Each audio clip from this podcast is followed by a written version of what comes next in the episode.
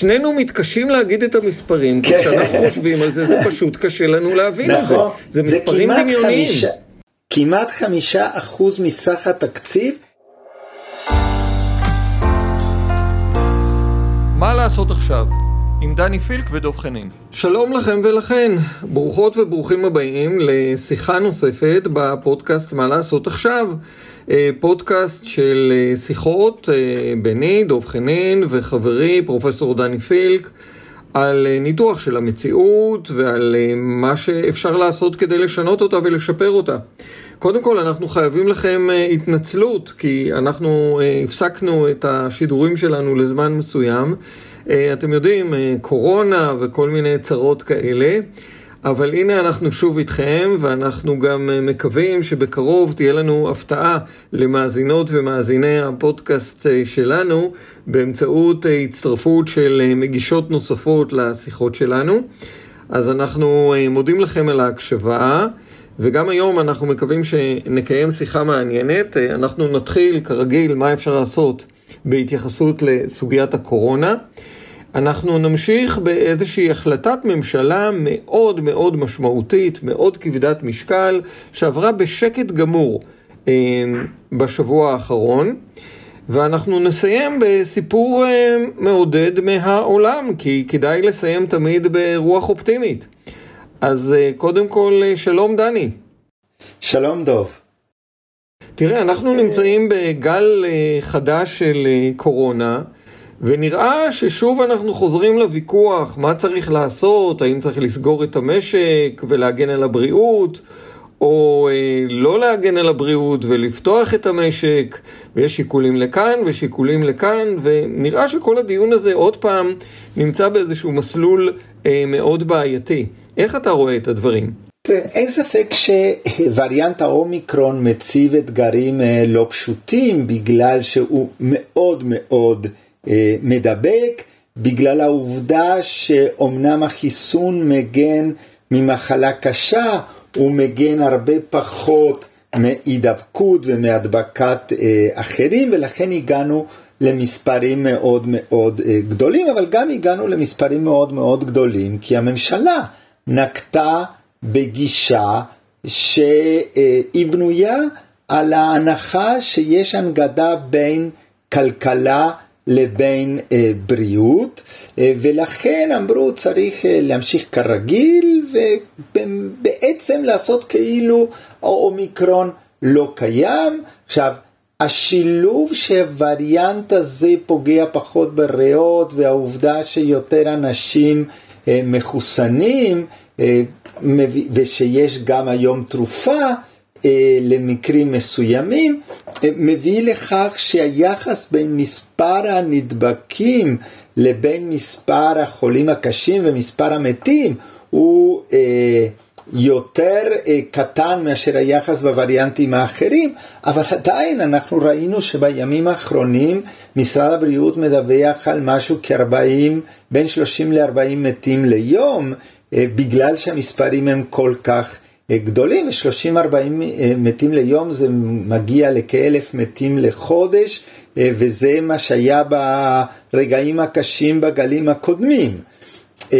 אז, אז אפשר להיות מודע להבדלים בין האומיקרון לבין וריאנט הדלתא, אבל עדיין להתייחס לזה כאילו מחלה קלה, יש פה מרחק גדול,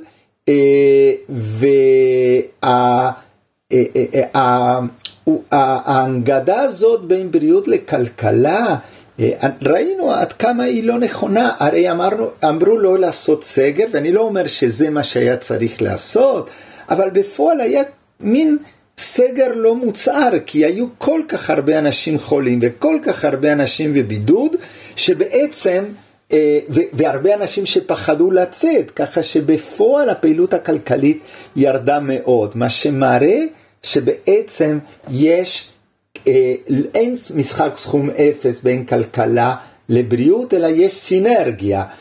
כלכלה יותר טובה גורמת לבריאות יותר טובה. אנחנו יודעים שיש קשר בין מצב כלכלי חברתי לבין מצב בריאות, ואם האוכלוסייה לא בריאה, הכלכלה לא תתפקד.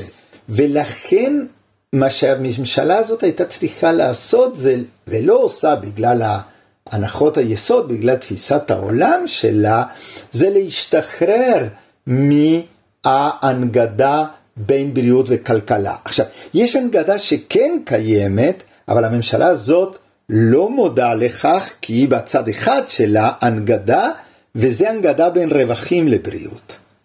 יש יותר בריאות יכולה להיות מתורגמת לפחות רווחים למאוד עשירים, והפוך. פחות רווחים למאות, למעט העשירים אה, יתורגם לבריאות יותר טובה לסך האוכלוסייה. זו תסביר, תסביר הנחה... את הנקודה הזאת, אה, דני.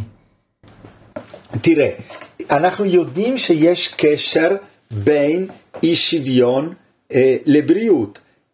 ככל שחברה פחות שוויונית, ככל שמדד הג'יני שלה שמודד אי שוויון יותר גבוה, זאת אומרת, ככל שהחברה פחות שוויונית, מצב הבריאות של האוכלוסייה כולה פחות טוב.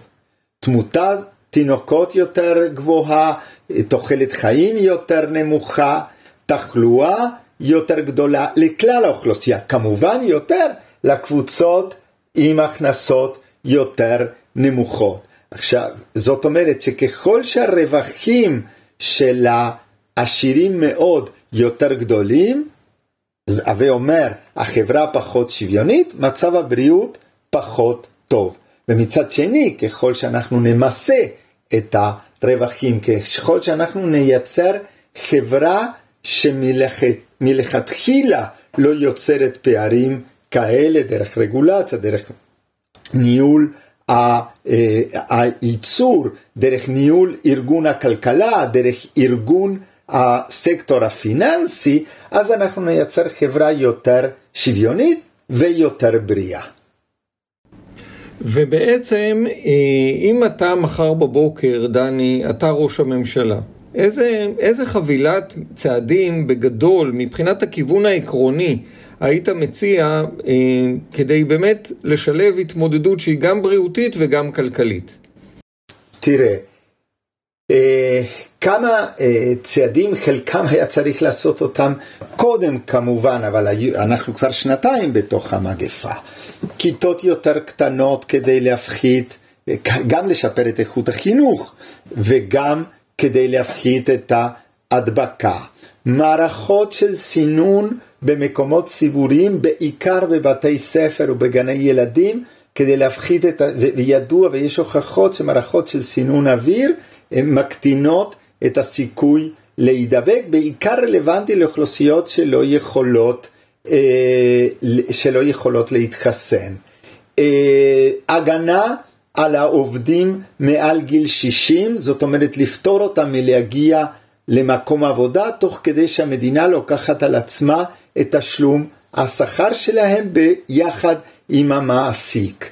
אה, תשלום מלא של אה, ימי מחלה שהולכים לאיבוד אה, ופיצוי מלא לכל מי שמפסיד בגלל בידוד או בגלל ירידה של הפעילות הכלכלית, כך שלא ייווצר תמריץ שאנשים מפרים בידוד בגלל שאם לא הם לא יכולים לשרוד אה, כלכלית. אה, כמובן, אה, חלוקה דבר שעשו מעט, מעט מדי ומאוחר מדי חלוקה של ערכות לבדיקה ופריסה הרבה יותר רחבה של בדיקות PCR. אלה אה, חלק מהצעדים שהיה אפשר אה, לנקוט על מנת, וכמובן פיצוי של הסקטורים שנפגעים בצורה מאוד מאוד אה, מוחשית, אה, כמובן תיירות, אבל גם היה אה, בהחלט מקום להגביל פעילויות אה, המוניות אה, ואת הפעילויות המוניות, על מנת להגביל אותם צריך לפצות את אלה שפרנסתם תלויה בפעילויות כאלה, וכמובן, ולא דיברנו על הנושא של חיזוק מערכת הבריאות הציבורית. אז אה, דניק, א', תודה. אני חושב שהמאזינים שלנו, אה, כולם אומרים הצעות מצוינות, אבל אולי כמה מהמאזינים שלנו אומרים, אוקיי, הצעות נפלאות, באמת חבל שפרופסור דני פילק הוא לא ראש הממשלה, אבל יש בעיה אחת, כל ההצעות האלה עולות הרבה כסף. וכאן אנחנו מגיעים לנקודה שאני רוצה להמשיך בה את שיחתנו ולטעון שבעצם במדינת ישראל ולממשלת ישראל יש ממש המון כסף, המון כסף, רק שהכסף הזה הולך למק... למקומות הלא נכונים. ואני רוצה אה, לספר למאזינות והמאזינים שלנו על החלטת ממשלה ענקית שהתקבלה אה, בשבוע שעבר, שיש לה משמעות כספית עצומה, מרחיקת לכת. עברה בשקט גמור, בשקט גמור. אז יש כאן שני מספרים, המספר אחד הוא 15 והמספר השני הוא 11. חידון למאזינים, מי יודע מה זה ה-15 ומי יודע מה זה ה-11? הנה התשובה, מדובר ב-15 מיליון וב-11 מיליון. 15 מיליון הממשלה החליטה להקצות להעלאת הפנסיות של קציני הקבע. אני רוצה להסביר... רק מיליון? מיליארד, או מיליארד? מיליארד, זהו, היה כן, נראה כן. לי. לא, אפילו לי קשה להגיד את זה. זה סכום כל כך פנטסטי. 15 מיליארד ו-11 מיליארד. אז 15 מיליארד זה סכום שהממשלה החליטה אה, להקצות להעלאת הפנסיות של קציני הקבע. אני רוצה להסביר למאזינות ומאזינים שלנו על מה אנחנו מדברים. אנחנו כמובן בעד פנסיות. לכל בן אדם שפורש מעבודתו מגיעה פנסיה. אה, קציני הקבע מקבלים את הפנסיות שלהם הרבה יותר מוקדם. אה, אם אה, כולנו פורשים בגיל 62 או בגיל 67 לפנסיה, קציני קבע פורשים... ועכשיו, לפנ... ועכשיו הממשלה אה, הולכת להעלות את גיל הפנסיה של נשים בטענה שאין מספיק כסף לממן את הפנסיה. נכון. אה, קציני קבע, לעומת זאת, אה, פורשים לגמלאות בגיל 42, 43, לפעמים 44, ומאותו שלב, מאותו רגע שהם פורשים, הם מקבלים בעצם פנסיה מהמדינה. הפנסיות שלהם הם אגב יחסית פנסיות מכובדות. אבל הממשלה בעצם החליטה להגדיל את הסעיף הזה והקצתה לצורך הגדלת הפנסיות של אה, קציני הקבע סכום נוסף של 15 מיליארד שקלים. אה, החלטה שנייה שהתקבלה אגב באותה ישיבה, שתי החלטות התקבלו ממש בכמה דקות, הם לא עוררו אפילו דיון משמעותי בתוך הממשלה, הייתה אה, להקצות עוד 11 מיליארד שקלים לרכש של שלוש צוללות מגרמניה. עכשיו, המילה צוללות כמובן מעוררת הרבה דיון בישראל, אבל היא מעוררת הרבה דיון תמיד בהקשר של ממשלת נתניהו וכל המהלכים הבעייתיים שהיו אה, עם כל מיני ענייני שחיתות אה, בקשרים עם חברת טיסנקרופ ועם הגרמנים והנה גם מוקמת ועדת חקירה על הפרשה הזו וועדת החקירה הזו בהחלט עוררה דיון ציבורי. אבל ההחלטה של הממשלה לשים עוד 11 מיליארד שקלים ברכישת אה, שלוש צוללות מגרמניה, ההחלטה הזו עברה מאוד מאוד בשקט. עכשיו, כל זה קורה כאשר אנחנו מתקשים להתמודד עם אה, משבר הקורונה, כאשר בתי החולים קורסים באמת מעומס מאוד מאוד גדול, וכמו שאתה אמרת, דני, בצדק, אה, לא, לא נעשה תגבור המהפכני שהיה דרוש, אה, התקציבי ובכוח האדם לבתי החולים אתה יודע מה, אפילו נניח לא חשבו על המגפה מראש, אבל בכל זאת המגפה איתנו כבר שנתיים, אז אפשר היה לחשוב ולתגבר באופן מהפכני ומשמעותי את בתי החולים, את מערכת הבריאות הציבורית, את הרפואה הקהילתית. אה, אנחנו מדברים על גני הילדים שנמצאים במצוקה, אז תחשוב על סייעת בגני ילדים שצריכה היום לסכן את עצמה אה, בשביל משכורת של 5,000 שקל, או גננת שצריכה לסכן את עצמה בשביל משכורת של 6,000 שקל.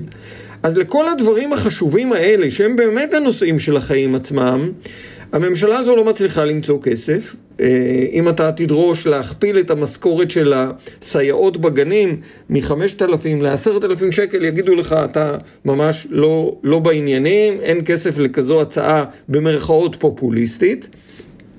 אבל הכפלה כזו של שכר הסייעות מבחינה תקציבית היא הרבה פחות מאשר שני הסעיפים הענקיים שהממשלה אישרה אה, ככה ביעה ומבלי שהם עוררו אה, דיון אה, משמעותי בציבור. וכאן השאלה המעניינת, איך דבר כזה עובר בשקט?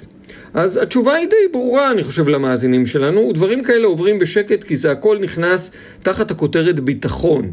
כן, יש איזשהו סיפור שאנחנו מספרים ושהחברה שלנו מספרת לכולנו שאנחנו נמצאים במלחמה מול האויבים שלנו ולכן אנחנו צריכים להשקיע המון המון כסף בביטחון והנה אנחנו קונים צוללות וגם מתגברים את הפנסיות של קציני הקבע.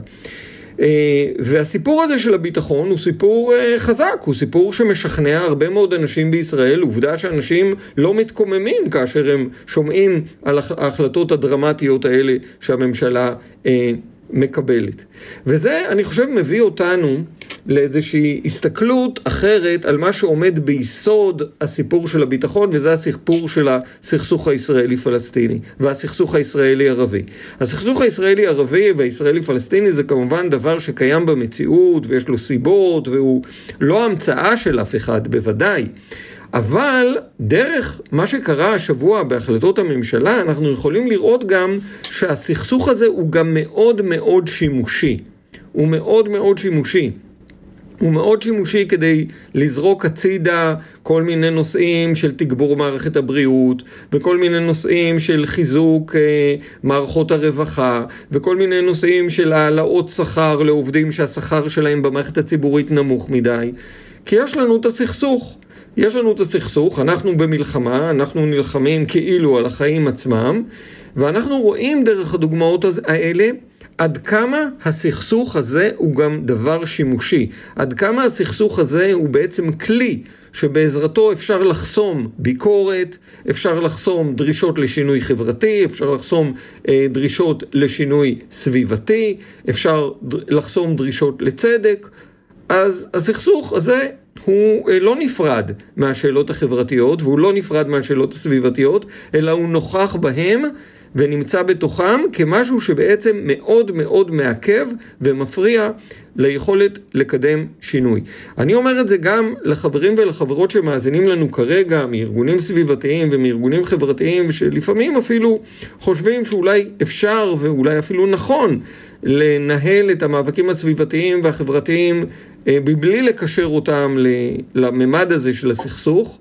אה, אז הנה הדוגמה כמה במהות הדברים מאוד מאוד קשורים. זה שהם מאוד קשורים זה לא אומר שאי אפשר לנהל מאבק סביבתי ואי אפשר לנהל מאבק חברתי ולגייס שותפים שהם גם לא מסכימים איתנו בשאלות הסכסוך, אבל אנחנו בעצמנו לפחות חייבים להבין שברמת העומק הדברים האלה קשורים לגמרי, זה הכל מתקשר לאותה מציאות אחת שאנחנו חיים בה בישראל. דוב, כדי שהמאזינות ומאזינים אה, אה, יקבלו אה, פרופורציה, צריך לומר שהתקציב של 2022 הוא משהו כמו 572 מיליארד שקל. זאת אומרת ששני הסעיפים האלה שאתה מנית לבד הם כמעט, אה, כמעט, כמעט 2 אחוז מהתקציב. יותר שזה, אפילו. 572, לא, 15, כמעט 3 אחוז, סליחה, כמעט 3 אחוז מהתקציב, שזה... לא, 3 אחוז, 3 אחוז, כן, זה, זה יותר, כן. זה חמישה בערך. אנחנו ביחד מדברים על 26... אה, על 25, כמעט 5 אחוז מהתקציב, כן, כן סליחה. כן, כן, כן. תראה, שנינו מתקשים להגיד את המספרים, כן. כשאנחנו חושבים על זה, זה פשוט קשה לנו להבין נכון, את זה. נכון. זה מספרים דמיוניים. כמעט חמישה אחוז מסך התקציב, כשאנחנו יודעים שגם הרבה מתקציב המדינה הוא תקציב קבוע, כי זה תקציב של שכר ותחזוק ודברים כאלה, זאת אומרת שחמישה אחוז אה, אה, אה, זה, זה פשוט מספרים אדירים. כן, ואלה המספרים שאנחנו נצטרך לזכור אותם ולהזכיר אותם בכל פעם שיבואו ויגידו לנו, חברים, אין כסף. אין כסף להעלאת שכר המינימום, אין כסף לחיזוק מערכת הבריאות, אין כסף ליותר מורים ומורות ולפחות תלמידים בכיתה. בכל פעם שיגידו את זה, חברות וחברים, מאזינות ומאזינים שלנו, תזכירו להם. את שני הסעיפים שהממשלה העבירה בדיון בסך הכל של עשר דקות על שני הסעיפים ביחד.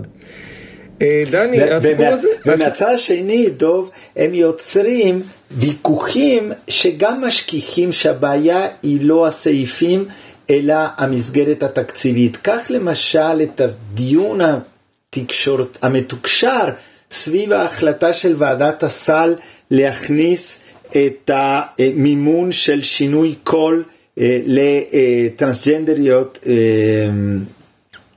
בסל.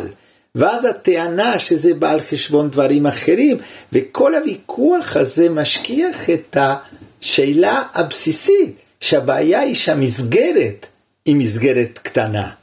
כי אם המסגרת הייתה מסגרת יותר גדולה, אם המסגרת הייתה מסגרת של העלאה של 2% מהתקציב, שזה מה שכל המומחים אומרים צריך כדי לעדכן את הסל, אז הוויכוח הזה שכאילו השיג את התקשורת במשך יומיים שלושה, לא היה קורה, והוויכוח הזה בעצם הסית את המבט הציבורי מהסוגיה המרכזית שהיא המסגרת היא לא מספיק נדיבה, נדיבה.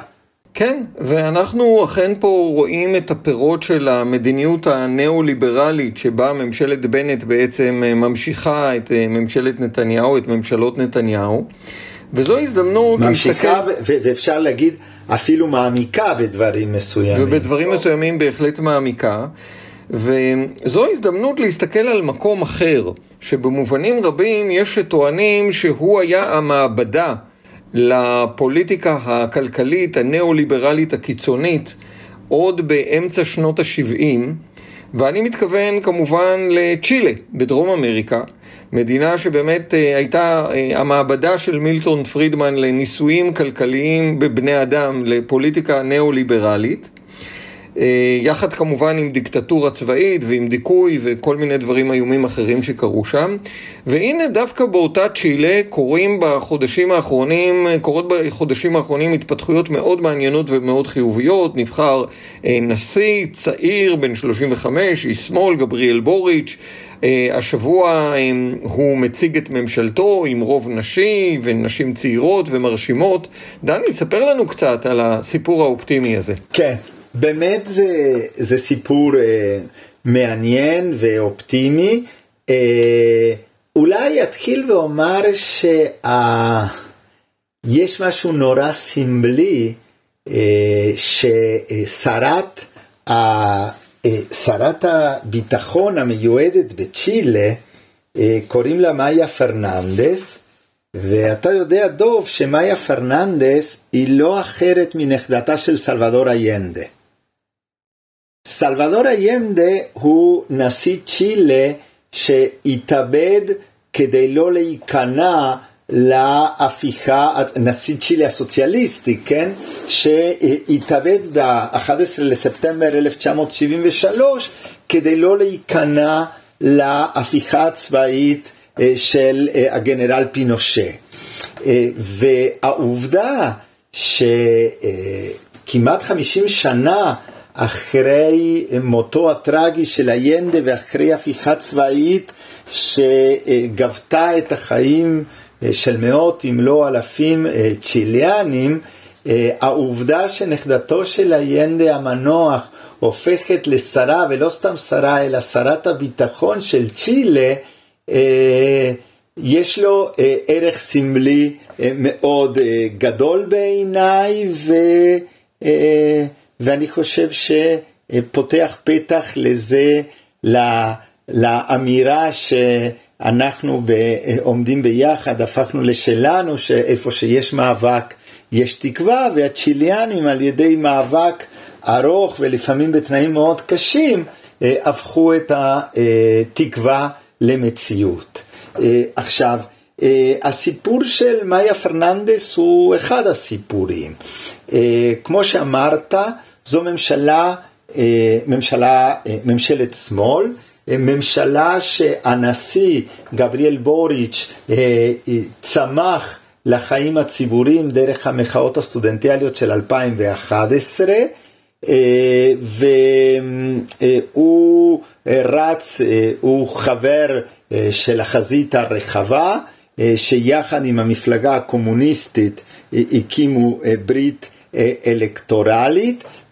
הוא עלה אה, במקום השני לסיבוב השני מול מועמד אה, ימין קיצוני מאוד מחובר לדיקטטורה של אה, פינושה מאוד מקושר לבולסונארו, ממש מועמד ימין קיצוני, ובסיבוב השני הוא גבר עליו, וגבר עליו בין היתר בגלל היכולת שלו ליצור ברית עם המרכז שמאל, עם המפלגה הסוציאליסטית הצ'יליאנית, עם חלקים של המפלגה הדמו-נוצרית.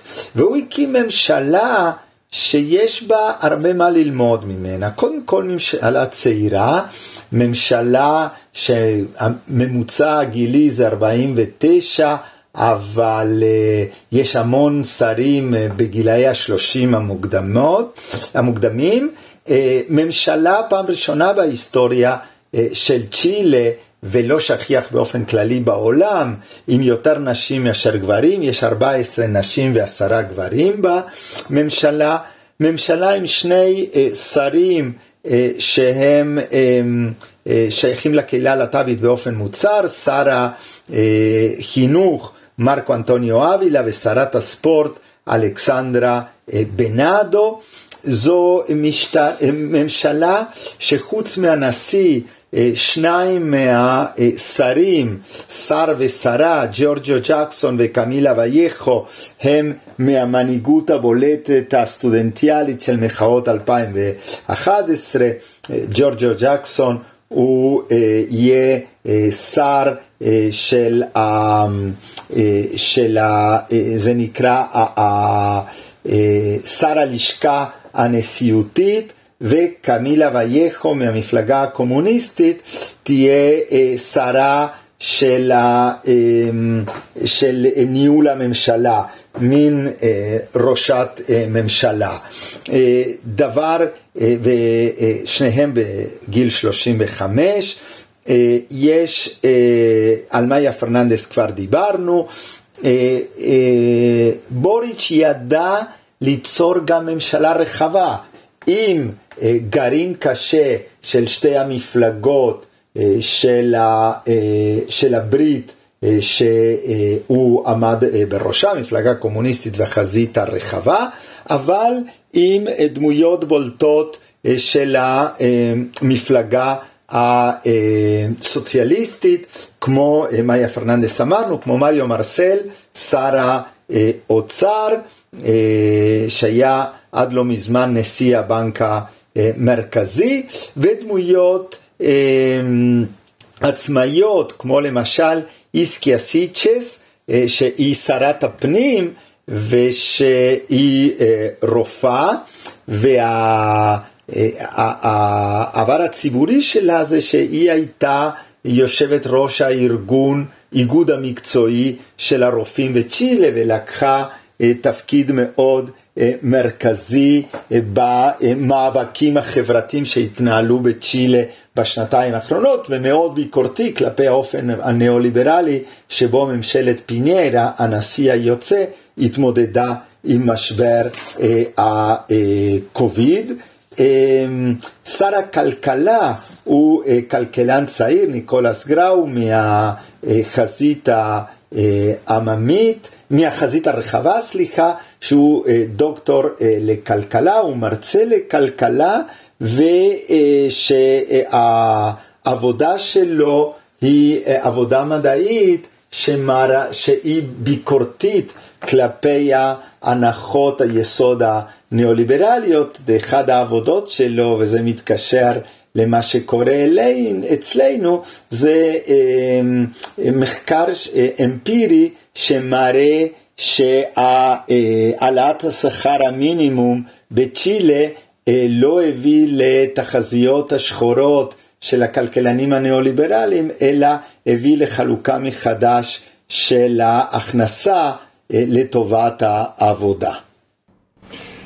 זה סיפור בהחלט אופטימי, ובמיוחד כשאנחנו זוכרים שהוא בא בסוף של מאבק ציבורי מאוד ממושך. זה בעצם תולדה של איזושהי מחאה שמתנהלת, הייתי אומר, יותר משנתיים, גם אפילו בתקופת הקורונה, אבל היא התחילה עוד לפני תקופת הקורונה כאיזושהי התארגנות מלמטה, התארגנות עממית של כוחות חדשים שהגיעו בחלקם מחוץ למערכת הפוליטית הממסדית הוותיקה של צ'ילה. והצליחה ההתארגנות הזאת והמחאה הזאת לגייס באמת אה, מספיק אנרגיה כדי לעבור מסע ממושך של התמודדות גם עם התנאים הלא פשוטים של הקורונה וגם עם הממשלה של נשיא ימני וכלי תקשורת ימניים והנה אנחנו רואים, אה, איך אמרת, שכאשר יש מאבק יש תקווה והתקווה בצ'ילה נראית כרגע ממש טוב. לגמרי, התקווה נראית מציאות. אז uh, תודה לך דני על השיחה הזאת, ותודה לכם המאזינות והמאזינים שלנו. הזדמנות uh, להציע לכם להצטרף גם כמנויים לרוזה מדיה, מערך המדיה הסוציאליסטית של, שתנועת עומדים ביחד uh, מפעילה, uh, ואנחנו נתראה בשיחות הבאות. להתראות דוב, וכן, נתראה בשיחות הבאות. בריאות לכולם. מה לעשות עכשיו? עם דני פילק ודב חנין.